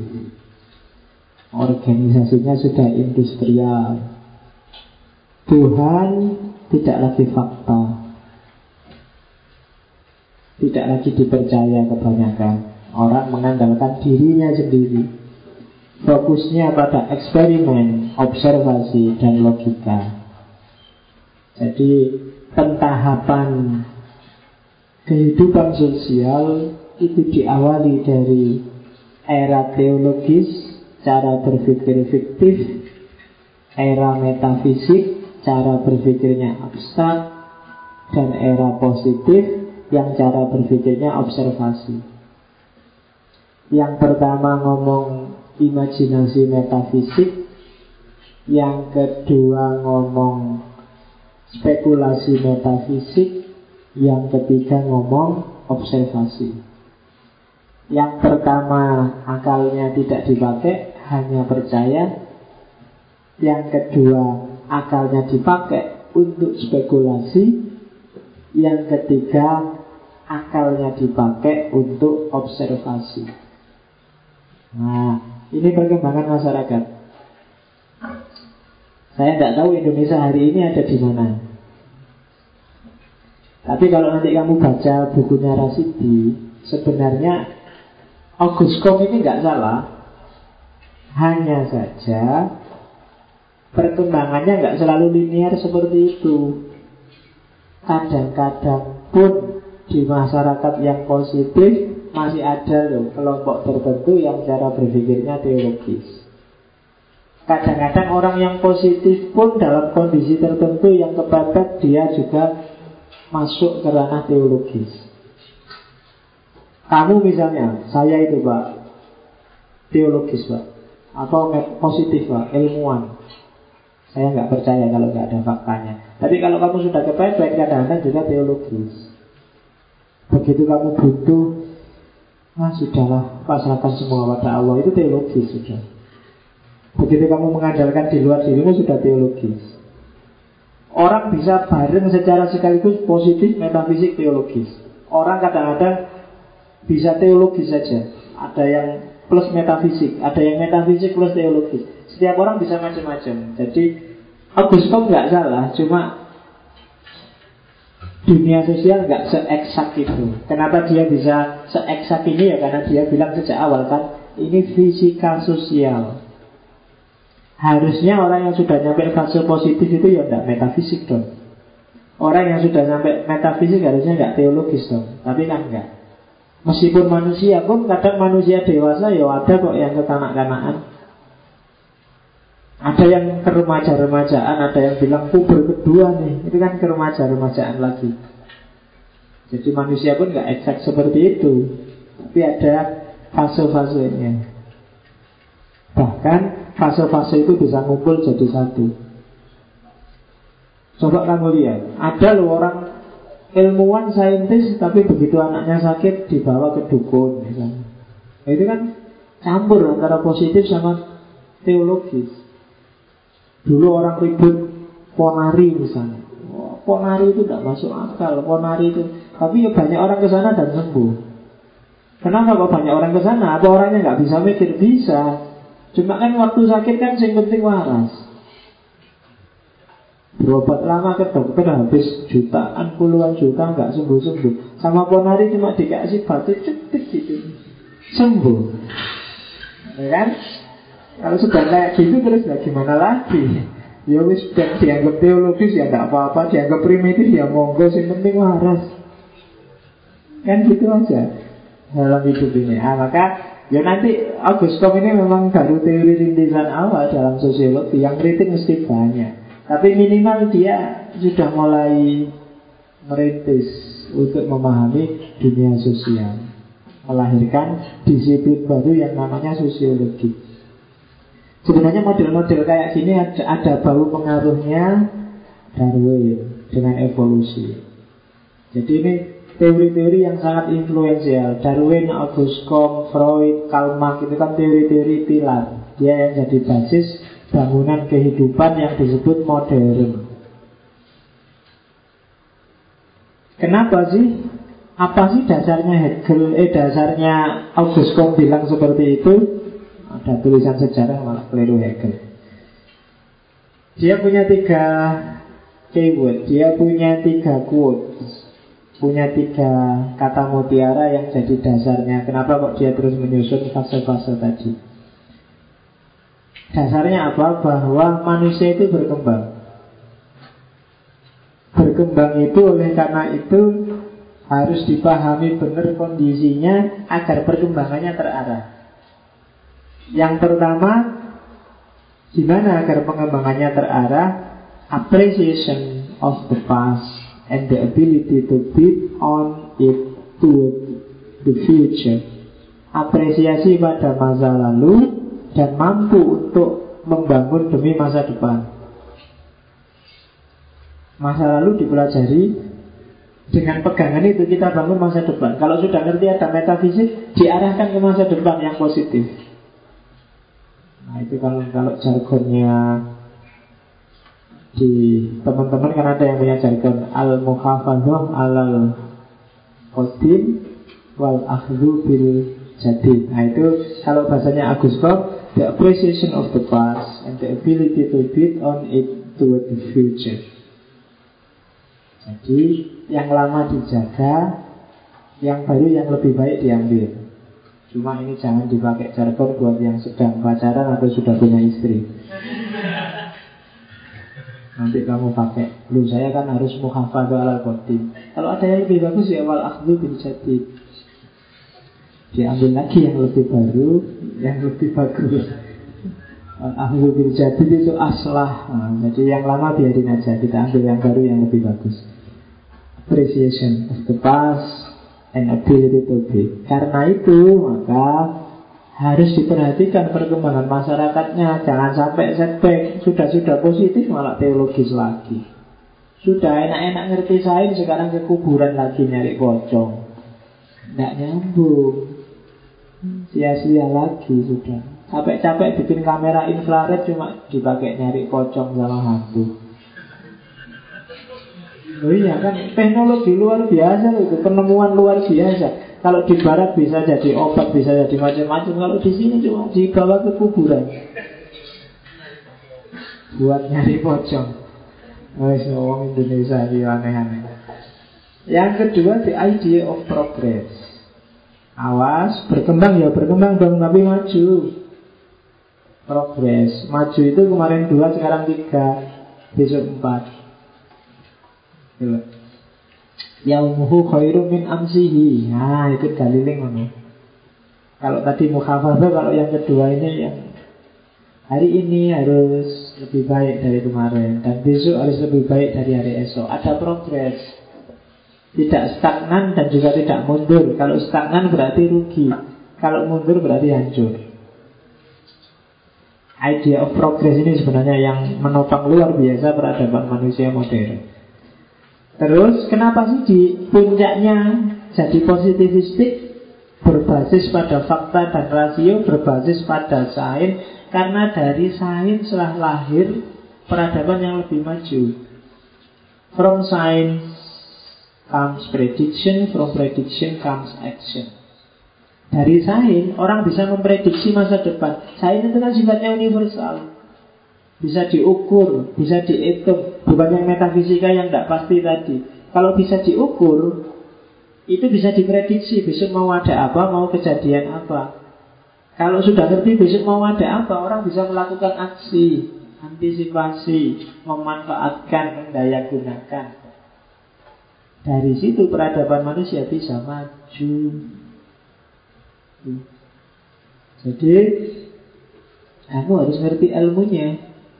Kalau ngerti ilmunya, kamu akan paham apa yang akan terjadi. Kalau kamu paham apa yang akan terjadi, kamu bisa merespon dengan tepat.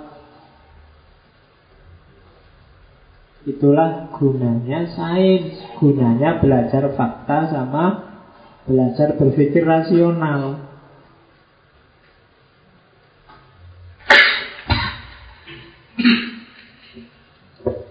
Terus cara memahaminya gimana terusan? Membacanya gimana? Yo kayak tadi dilihat faktanya. Jangan sibuk dengan makna-makna yang tidak jelas, dengan motif, dengan niat, dengan emosi, tidak usah. Nahnu nahkumu bihawahir. Nah, itu dari Agus Kom itu. Tidak bisa kamu lihat motifnya orang. Allah kamu bantu saya. Padune niatnya. Oh, tidak, tidak bisa kamu. Yang penting bantu syukur alhamdulillah makasih ya gitu. Gak usah sibuk dengan niatnya apa kamu ikhlas enggak.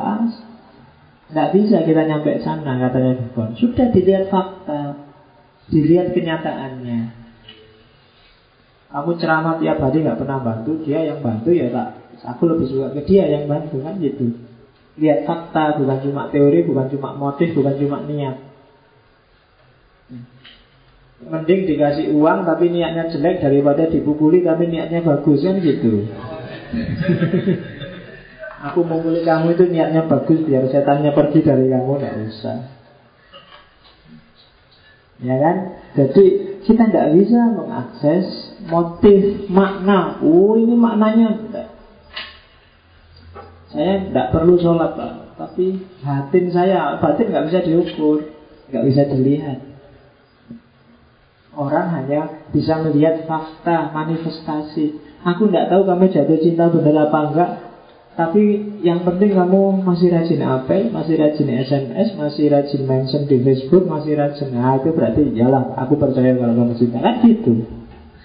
Enggak kok, ah, enggak mesti pak gitu itu cinta. Ya aku ya enggak ngerti hatinya, tapi kan dari tekunnya dia apel tiap malam minggu ya kemungkinan besar memang iya. Karena kita berpikir dasarnya fakta. Aku itu kelihatannya aja marah, tapi batinku enggak, enggak bisa. Orang nggak ngerti batinmu kayak gimana. Faktanya kamu marah-marah. Aslinya saya itu rajin kok Pak. Hanya saja sering kepepet jadi sering bolos. Ya pokoknya sering bolos. Aslinya aku ya ngerti om Tiap hari kelihatannya juga bolos. Saya itu hakikatnya baik Pak. Cuma ya penampilannya aja. Ya nggak bisa orang lihatnya penampilan Oke jadi observasilah fakta sosial. Jangan tertipu oleh Jangan-jangan motifnya beda. Itu gitu-gitu niatnya nggak ikhlas loh. Ah itu. Ini kan urusan rasa. Itu semua kita nggak bisa akses Yang bisa kita akses manifestasi fisiknya Faktanya. Maka membaca fenomena sosial itu ya yang faktual Jangan terjebak oleh asumsi-asumsi, prediksi-prediksi, suudhan, suudhan atau husnudhan, husnudhan. Wis dilihat faktanya aja. Saya nggak tahu Prabowo itu baik atau buruk Aslinya gimana, batinnya gimana Tapi faktanya gini loh. Nah itu fakta.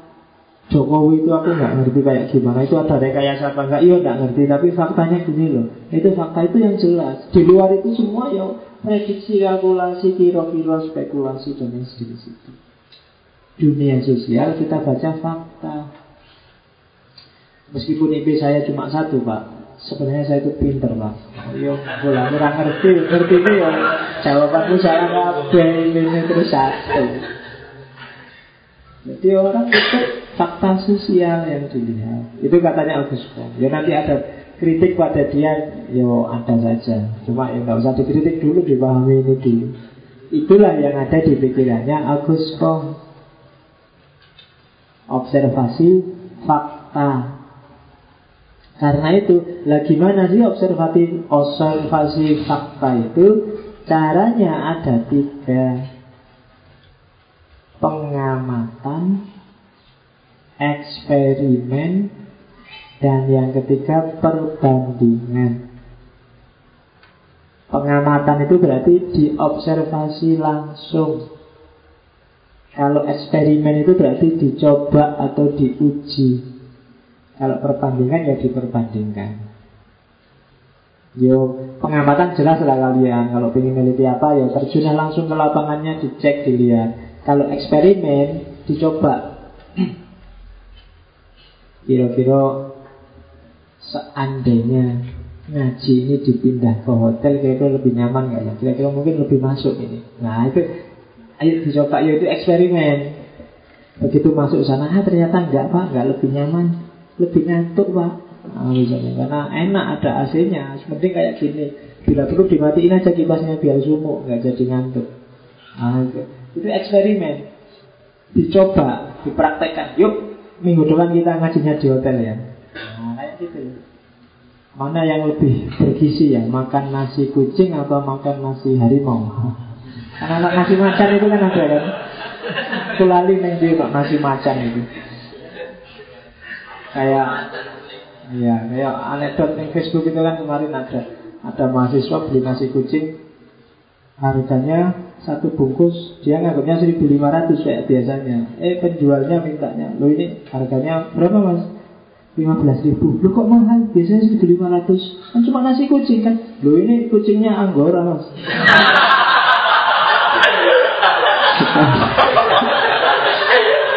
Kucing biasa. Kucing biasa sih 200 kucing anggora ya.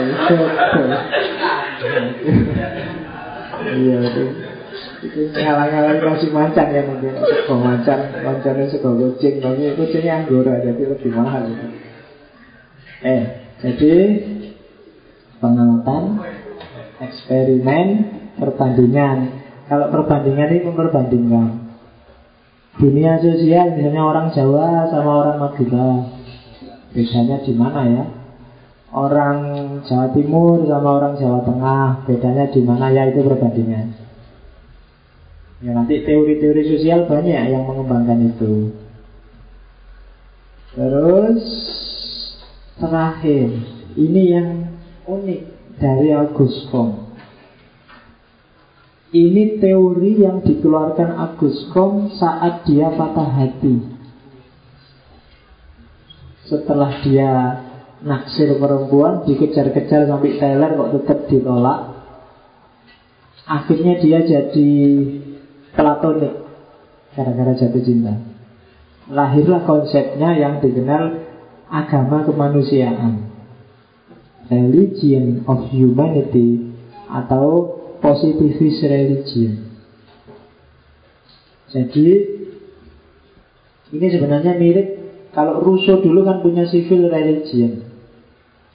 Civil religion itu tidak selalu mirip agama, tapi ritual-ritual sosial yang dibakukan di tengah masyarakat untuk fungsi-fungsi kebersamaan, fungsi-fungsi spiritual, pokoknya untuk bareng-bareng.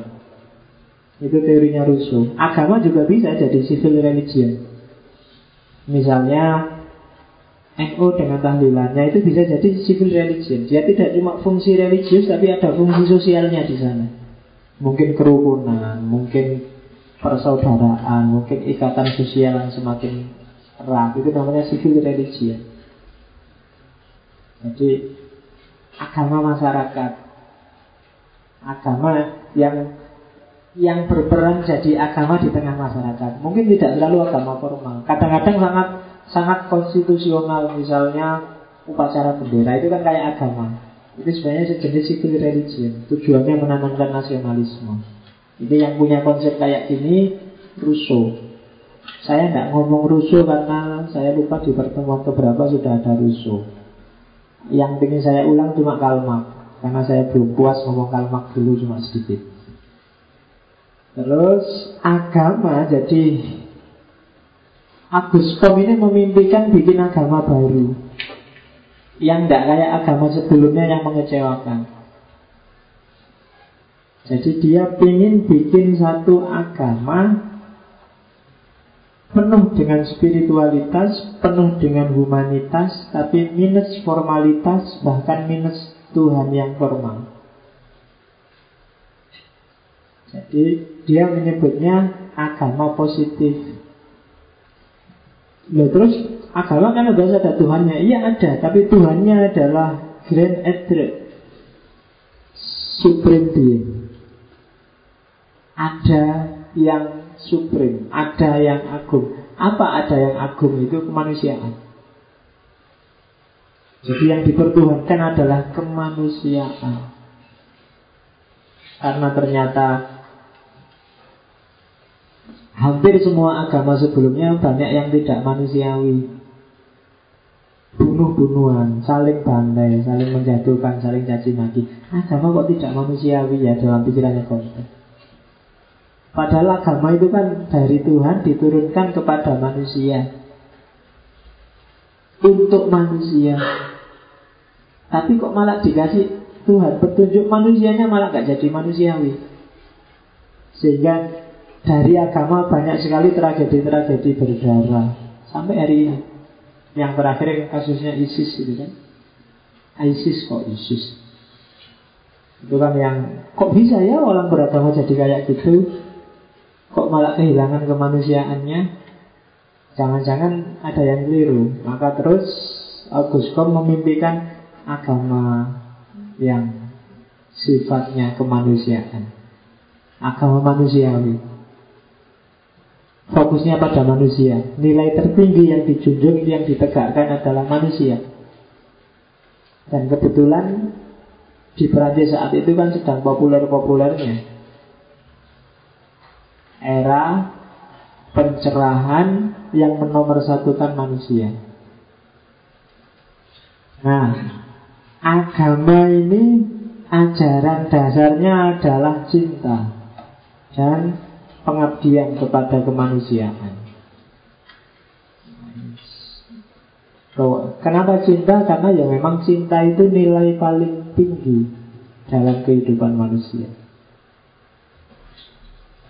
Dunia ini besok pagi langsung bubar kalau tidak ada cinta. Kalau tiba-tiba Allah coba sekali-sekali cinta dibuang dari hatimu semuanya, cinta terhadap apa saja, maka besok pagi dunia kiamat.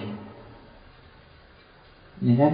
Yang bikin dunia ini bertahan kan orang tua masih cinta pada anaknya, suami masih cinta pada istrinya, atasan masih cinta pada bawahannya, pemerintah masih cinta pada rakyatnya, rakyat masih cinta pada pemerintahnya, kalau ini semua hilang, kiamat besok. Kenapa Indonesia ini chaos? Kamu bingung nabrak-nabrak nyari format karena basisnya kehilangan kemanusiaan termasuk yang paling tinggi kita kehilangan cinta. Prabowo kehilangan cinta pada Jokowi dan Jokowi kehilangan cinta pada Prabowo. Demokrat tidak cinta lagi pada PDI, PDI tidak cinta lagi pada Gerindra. Ya kan? Kalau tidak cinta kan ya apalagi tinggal lawannya yang satu itu kan. Jadi rival. Ya sudah, kita, kita kita banyak kehilangan momen berharga, kita banyak kehilangan waktu yang sia-sia ketika cinta sudah hilang. Jadi katanya August Kom, ya karena dia baru patah hati kan, jadi dia nangis-nangis terus cinta adalah nilai yang paling tinggi dalam kemanusiaan. Nah, itu jadi ada gunanya patah hati. Dulu saya sempat nulis risalah patah hati. Lalu lumayan patah hati bisa jadi buku. Nah, jadi tahun berapa itu ya? Tahun zaman aku baru lulus S1. Patah hati beneran, tapi ya bisa jadi buku. Kelihatannya untuk jadi filosof kamu memang harus mengalami patah hati. Iya. Orang jatuh cinta, orang patah hati itu kan terus jadi puitis, pinter bikin syair. Nah itu syaratnya filosofi itu harus agak-agak kayak gitu. Atau pinter bikin syair, bikin-bikin puisi. Oke, jadi dasarnya cinta dan cinta bersama, pengabdian pada masyarakat. Nanti dari Agus Kom lah keluar satu istilah dalam dunia etika yang disebut altruis. Altruisme. Jadi altruisme itu etika sikap mental yang siap mengorbankan dirinya untuk kepentingan orang lain. Itu altruis. Egoismenya disingkirkan jauh-jauh dan hanya orang lain yang dia pikirkan. Itu altruis Dan altruis itu yang bisa melahirkan altruisme itu cinta. Mahabbah. Orang yang tidak cinta nggak bisa berkorban. Orang yang masih perhitungan berarti belum cinta. Aku cinta padamu tapi kamu balas cintaku ya Kayak enggak ya aku pindah ke yang lain Itu sebenarnya belum cinta Itu masih takkan Masih negosiasi Masih cari senang-senang kalau cinta itu tidak ada negosiasi. Aku cinta padamu titik. Kamu balas apa enggak, enggak masalah. Aku akan tetap mencintaimu kan gitu. Oh iya, itu unconditional love.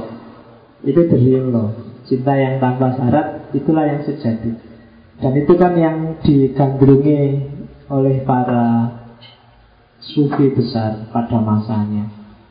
Hampir semua sufi modus hubungannya dengan Allah itu modusnya cinta. Modus cinta itu berarti tidak usah mikir dirinya. Diriku nggak ada apa-apanya lenyap. Yang ada hanya yang aku cintai. Kayak kamu sedang jatuh cinta itu loh kan. Dirimu sendiri kan lenyap. Kamu nggak pernah mikir dirimu lagi. Beli baju yang kamu pikir pacarmu kan. Pacarku cocok gak ya kalau aku pakai kayak gini? Kamu mau dandan yang kamu Aku rambutku kayak gini Pacarku seneng gak ya? Selalu pacarmu Mau makan aja. Aku makan nanti terus kebanyakan terus gemuk. Pacarku rela nggak ya aku gemuk? Kan Yang ada di pikiranmu cuma dia. Yo eman-eman sebenarnya kalau cuma pacar.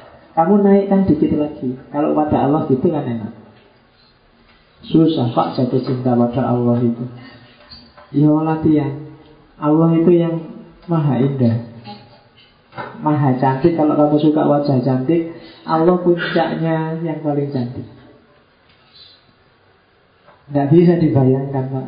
Yo diusahakan Memang berat. Itu kan kayak ceritanya Junet al-Baghdadi.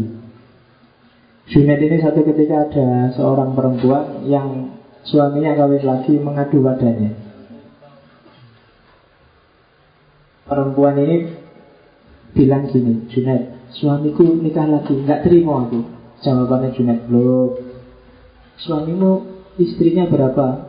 Baru saya sih. Tapi sekarang dia nikah lagi. Lu kalau baru satu ya nambah tiga lagi juga tidak apa-apa. Apalagi cuma nambah satu. Perempuannya marah. Terus dia bilang Sayangnya kan perempuan di sana itu kan pakai cadar Kata perempuan itu. Sayang wajahku cadaran Kalau kamu ngerti betapa cantiknya aku Kesimpulanmu nggak akan seperti itu. Kalau kamu ngerti betapa cantiknya aku Kamu akan bilang bahwa tidak masuk akal wanita secantik ini kok suaminya kawin lagi. Terus wanita itu pergi. Begitu wanita itu pergi Junet langsung pingsan. Murid-muridnya heran. Tanya, eh guru Sampai itu dimarahi perempuan gitu aja pingsan? Katanya Junet oh, Enggak, aku bukan perempuannya. Aku tiba-tiba merasa seolah-olah yang ngomong itu bukan perempuan itu tapi Allah. Seolah-olah Allah ngomong kalau kamu ngerti betapa cantiknya aku, hatimu gak akan berpaling kepada yang selain aku. Oh, itu Sayangnya katanya Allah aku tidak bisa membuka tabirku di hadapanmu. Ah, kamu yakin itu? Jatuh cinta pada Allah Kan seru. Kamu tiap hari sudah ditemui kan Oleh Allah. Tapi kan kamunya yang gak serius itu Allah patah hati luar biasa. loh kita sudah janjian ketemu sehari lima kali lah paling enggak. Tapi tiap kali ketemu kamu nggak serius. Pikiranmu ke mana-mana. Kamu nggak perhatian padaku. Kan gitu kalau jadi Allah kan. Untung Allah nggak ninggalin kamu betapa setianya Allah padamu. Jadi kamu sudah dikasih banyak kesempatan. Bahkan Allah membuka pintunya lebar-lebar. Kamu mau ketemu aku kapan aja boleh Gak cuma lima. Mau ditambah-tambahin jadi sepuluh, dua puluh Yang sunah-sunah monggo Pintuku terbuka buatmu. Tapi kan kamunya aja yang gaya. Allah sudah minta kayak gitu kamu. Jual mahal. Kalau ketemu males-malesan. Kalau ke kampus saja bajunya rapi Waktu sholat cuma pakai training sama kaos. Bangun tidur ke WC ya pakai training itu, pakai kaos itu. Terus naik sholat ya pakai baju itu Ah, kayak padahal kalau kamu apel kan pakai parfum pakai itu kan. Ini ketemu yang paling cantik.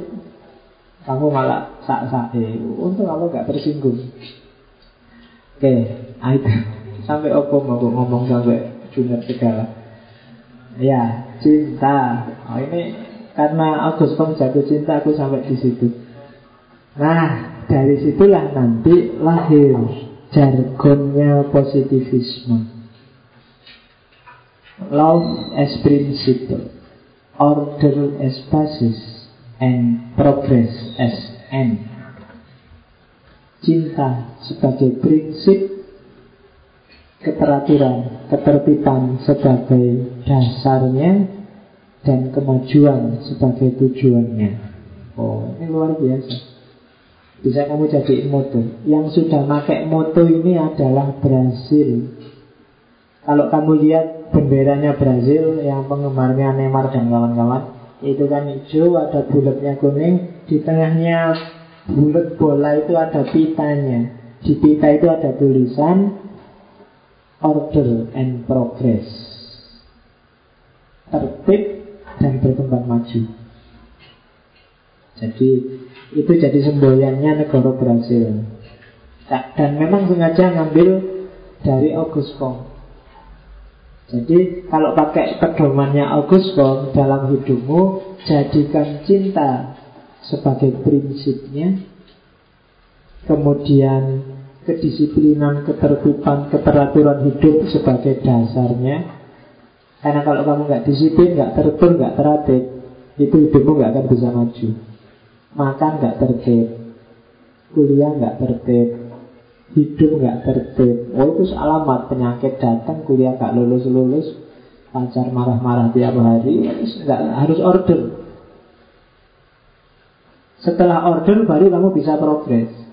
Kalau nggak order nggak akan bisa progres. Kalau hidupmu sendiri kacau, kamu nggak akan bisa maju. Dan kemajuan itu termasuk ketertiban itu didasari cinta.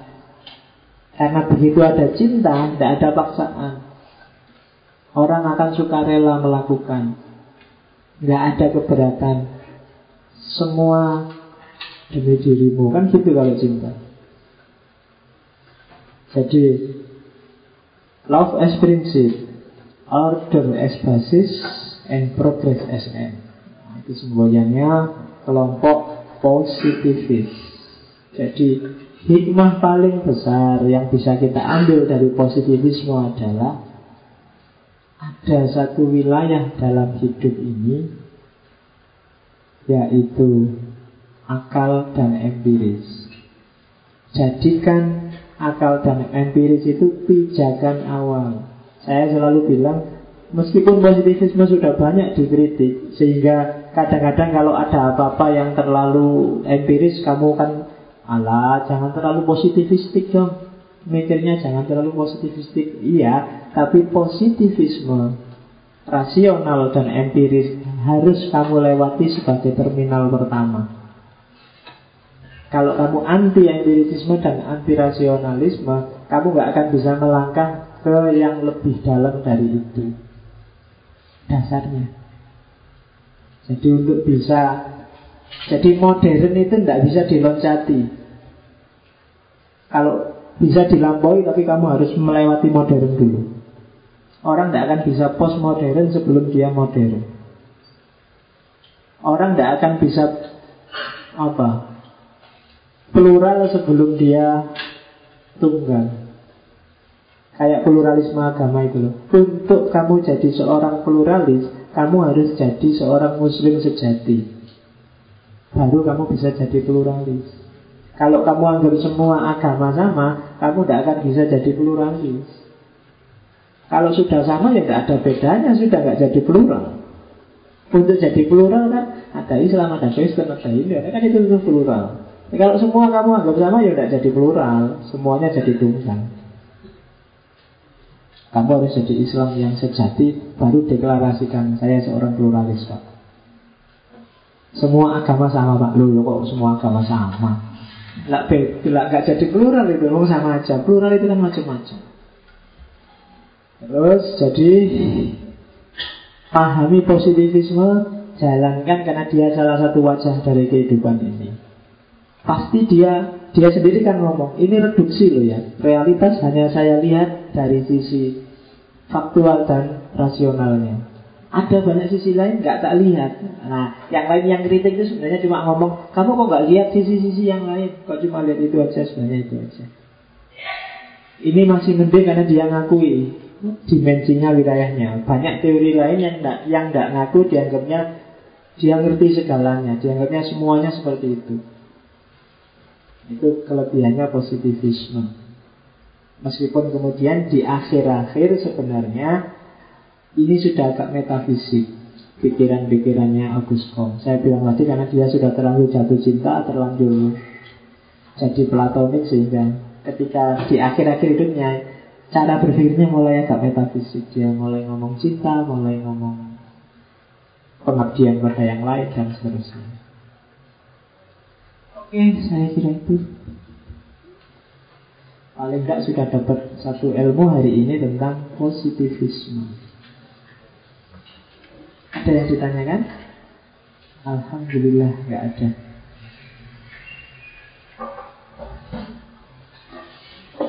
Saya akhiri sekian. Wallahul muwafiq. Wallahu a'lam bishawab. Wassalamualaikum warahmatullahi wabarakatuh.